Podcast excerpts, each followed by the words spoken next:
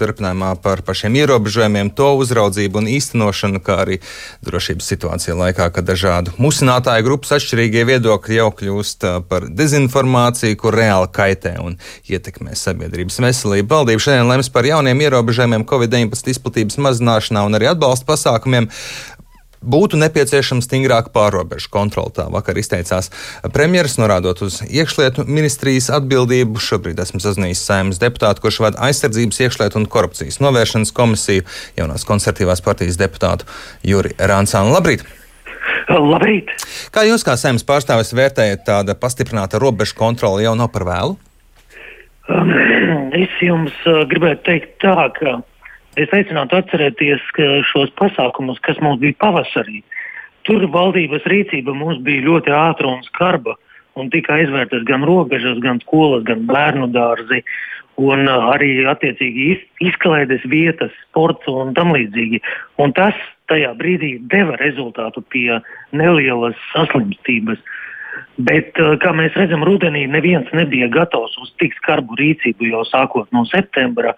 Un valdības stratēģija, kā mēs redzam, ir bijusi pakāpeniska ierobežojumu pastiprināšana atkarībā no pieaugušajiem slimības rādītājiem. Un tas, kā mēs redzam, šajā brīdī nebija īsti nostrādājis, jo tā infekcijas izplatība līdz šim pieauga.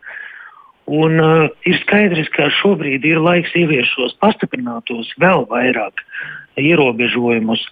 Bet, kas attiecās uz robežu kontroli un konkrētiem pasākumiem, es gribu teikt, ka šajā brīdī neieved jau no ārpuses tik daudz šo vīrusu, kā viņš izplatās iekšienē, neievērojot uh, šos epidemioloģiskās drošības pasākumus no bezatbildīgu cilvēku puses. Es gan uzreiz gribētu teikt, ka tas, ko es redzu personīgi, aizejot uh, iepirkties, uh, lielākajai daļai, absolūti lielākajai daļai maskas ir, um, apsardze lielveikalos kontrolē.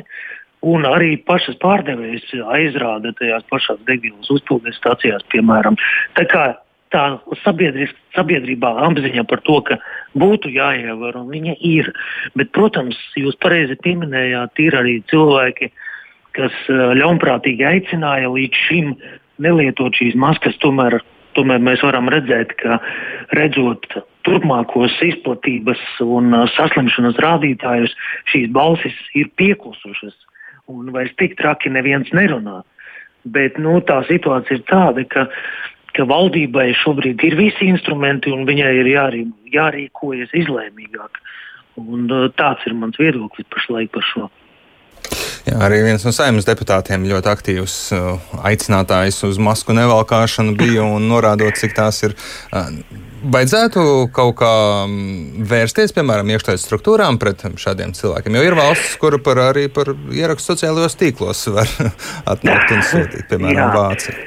Jā, es atgādināšu, ka šis uh, deputāts dabūja attiecīgo ētikas komisijas vērtējumu. Un, manuprāt, sots bija brīdinājums viņam par, par uh, tik bezatbildīgu rīcību, kura apdraud arī veselības drošību netiešā veidā, ka šie cilvēki neievēro atsaucoties viņa aicinājumam. Bet par šīm uh, viltus ziņām un aicinājumiem vai vajag sodīt, šobrīd tas tiek kvalificēts kā huligānisms, bet Mums uh, ir saimā arī krimināla, krimināla tiesību apakškomisija, kurā atrodas juridiskās komisijas paspārnē, kuru vadina, vada arī Judina kungs un kurā es piedalos. Un mums ir plānota pēc dažām nedēļām, tad, kad mēs, protams, pabeigsim budžetu, uh, skatīt arī šo jautājumu vēlreiz, aicināt visus ekspertus un tiesību normu piemērotājus, policiju, tiesas, tiesas, prokuratūru un vēlreiz runāt, vai šajā situācijā mums tomēr nevajadzētu veidot speciālu normu, nevis izlīdzēties ar huligānismu kvalifikāciju. Kādu normu jūs piedāvājat? Šobrīd konkrētas redakcijas uh, man, man nav, un, un arī kā viņu varētu noformulēt. Protams, ka vis, visticamāk, ka to varētu veidzēt, veidot līdzīgi kā šobrīd, piemēram, ir krimināla likumā par aicinājumu uz, uz uh, genocīdu, par aicinājumu. Respektīvi, tā būtu norma, kas, kas paredzētu atbildību jau vienkārši par aicinājumu, pat neparedzot, ka kādas sekas būtu iestājušās. Bet, bet konkrēti kā konceptuāli es domāju, ka sanākot kopā apakškomisijai, kopā ar ekspertiem, tā redakcija varētu arī tapt. Bet mums ir jāsaprot, ko saka profesionāļi. Iepriekšējā reizē viņi teica, ka, ka šobrīd tieši ļoti aktīvi notiek huligānisma lietas par šādām uh, par šādiem gadījumiem. Un, uh, un tiesvedībā arī noskaidrosies, bet pašlaik viņi, tik cik mums saka policija, viņi šīs lietas rosina un attiecīgi arī šīs personas sauc pie atbildības. Tā kā mēs redzēsim, vai tur ir vajadzīgi vēl speciāli kā administratīvo atbildību ieviest šādu. Jā, atgriezīsimies pie ierobežojumiem. Šodien iespējams uh, tos visticamāk uh, pastiprinās un būs kādi jauni, bet uh, ierobežojumi paši par sevi, ja tos cilvēki neievēro vai kāds neuzrauga to ievērošanu, uh, jēgas maz, to būtu jāuzrauga iekšlietu struktūrām. Jums ir pārliecība, ka tās to reāli arī uh, dara? Šobrīd ir tā, ka uh, par iekšlietu struktūrām uh, šī kontrole kā mēs paši arī nojaušam un saprotam, ir nepietiekama. Bet iekšlietu struktūrām arī šajā brīdī nav resursu. Tā iekšlietu sistēmai acīm redzot būs uh, jāizmanto iepriekš pieņemtā norma Covid infekcijas izplatības pārvaldības likumā, ka viņa var prasīt arī aizsardzības ministrijai palīdzību. Jo šobrīd, nu, piemēram, kas būtu tie kontrolas pasākumi, acīm redzot, tad ielās būtu jāizvieto patruļas. Uh, policijai tik daudz uh, cilvēku priekš šīm patruļām, nu, kaut vai tajos lielākajās uh, pilsētās, nu, nepietiks. Acīm redzot, tur iekšlietu ministram būs jāvēršās arī pie aizsardzības ministra. Pavrika kungs gan jau ir izteicies, ka varētu varbūt kaut kādā pirmajā mirklī zemesardze aicināt un, un, un uh, šo funkciju veikšanā, bet tur attiecīgi tās jau ir tādas detaļas. Būtu jāiesaista bruņoties spēki, jūsuprāt? Ja? Manuprāt, jā, ja iekšlietu ministrija izvērtējot visu situāciju, aicinās, tad uh, es domāju, bruņoties spēki arī atsauksies un viņi varētu sniegt palīdzību uz šo īso mēnesi. Ja gadījumā valdība izšķirās par ļoti stingriem pasākumiem, tad acīm redzot, arī kontrolē būs jābūt stingrai. Iekšlietu ministrs nav slēpis, ka viņam ir atšķirīga pozīcija Covid-19 ierobežošanas uh, pasākumos un šo ierobežojumu uzraudzības jautājumos, vai šādas domstarpības atšķirīgi viedokļi no valdības ministriem nenodara ļaunumu valstī kopumā? Es domāju, ka tas šī, šī, šie dažādie viedokļi, kas ir demokrātijā, vienmēr uh, publiskā telpā parādās. Un tā lēmuma pieņemšana vienmēr notiek ar šādām publiskām, tā skaitā diskusijām bieži vien.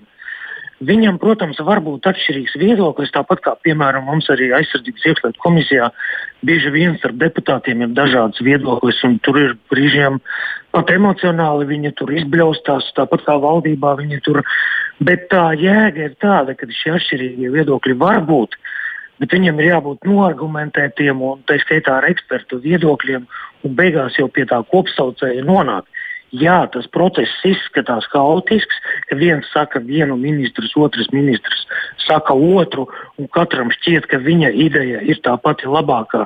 Bet beigu, beigās jau tie valdības lēmumi top, un šie ierobežojumi, šie pasākumi, viņi tiek ieviesti. Tā lēmuma pieņemšanas procedūra, nu, viņa tāda, diemžēl, demokrātijā, vai par laimi, viņa tāda ir. Un tāpēc vienmēr būs uh, tā ņemšanās, ja mēs tā varam teikt, ap, ap to, kas labāk, kas sliktāks, tur atšķirīgs viedoklis, mazāk atšķirīgs viedoklis. Bet tas kopsaucējs jau galu galā būs, jo valdība jau strādā. Tas, ka mēs esam uh, mazliet šobrīd ir ļoti daudz pārmetumu valdības virzienā, ka šie stingrie ierobežošie pasākumi ir nokavēti, tad, kā jau es sākumā teicu, politisku uh, iemeslu dēļ uh, valdība nebija gatava, un arī sabiedrība diez vai būtu bijusi gatava, ka septembrī būtu ieviesti tikpat stingri un skarbi pasākumi, kā tas bija pavasarī. Jo tad būtu vēl lielāks sašutums, tad visi liektu, ka pagaidiet, mums te tikai daži desmiti sas, saslimušo, un ka tas nav samērīgi un, un tam līdzīgi. Es teiktu tā, ka kopumā Situācija, protams, šobrīd pasliktinās, bet ar pastiprinātiem ierobežošiem pasākumiem mēs tiksim galā. Es tā domāju, kopā ar to, ka izlieto ūdeni var vēl sasniegt. Es domāju, ka jā, un ar sabiedrības iesaisti, jo šobrīd arī sabiedrība redzot šos saslimstības ciparus, nu, kļūst tomēr uzmanīgāka. Es neredzu, ka šo, šo bezatbildīgo cilvēku kļūtu vairāk. Es redzu tieši otrādi, ka viņi kļūst mazāki. Šajā laikā no drošības struktūrām nāk atziņojumi par bīstamām situācijām, kas veidojas kādu grupu aktivizēšanos, varbūt arī nesaistīta ar Covid-19. Teiksim tā, es nevarētu komentēt varbūt tādas uh, slepenas informācijas, kas, kas ir manā rīcībā, bet es jums teiktu to, ka, ko mēs varam arī redzēt atklāti, tās uh, margināļu grupas, jau tā var teikt, uh, kuras uh, izmanto dažādas situācijas, tā skaitā pandēmiju, pandēmiju savas atpazīstamības vairošanai. Nu, mēs viņas redzam, viņas ik pa brīdim tur parādās ar, ar saviem tādām maskētlīgām akcijām. Bet es nedomāju, ka tas kaut ko lielā mērā ietekmē. Nu, viņi ir, bija un būs, un tā ir demokrātijas sastāvdaļa. Bet svarīgākais ir tas, ka, ka tā sabiedrības lielākais vairākums apzinās to, to savu atbildību arī par savas eh, veselības drošību. Tā kā es neredzu šajās eh, maskētlīgajās eh, margināļu grupās kaut kādus milzīgus riskus vai apdraudējumus. Paldies jums par sarunu. Šorīt Saimas aizsardzības iekšlietu un korupcijas novēršanas komisijas vadītājs Juris Ransāns ar mums sarunājās.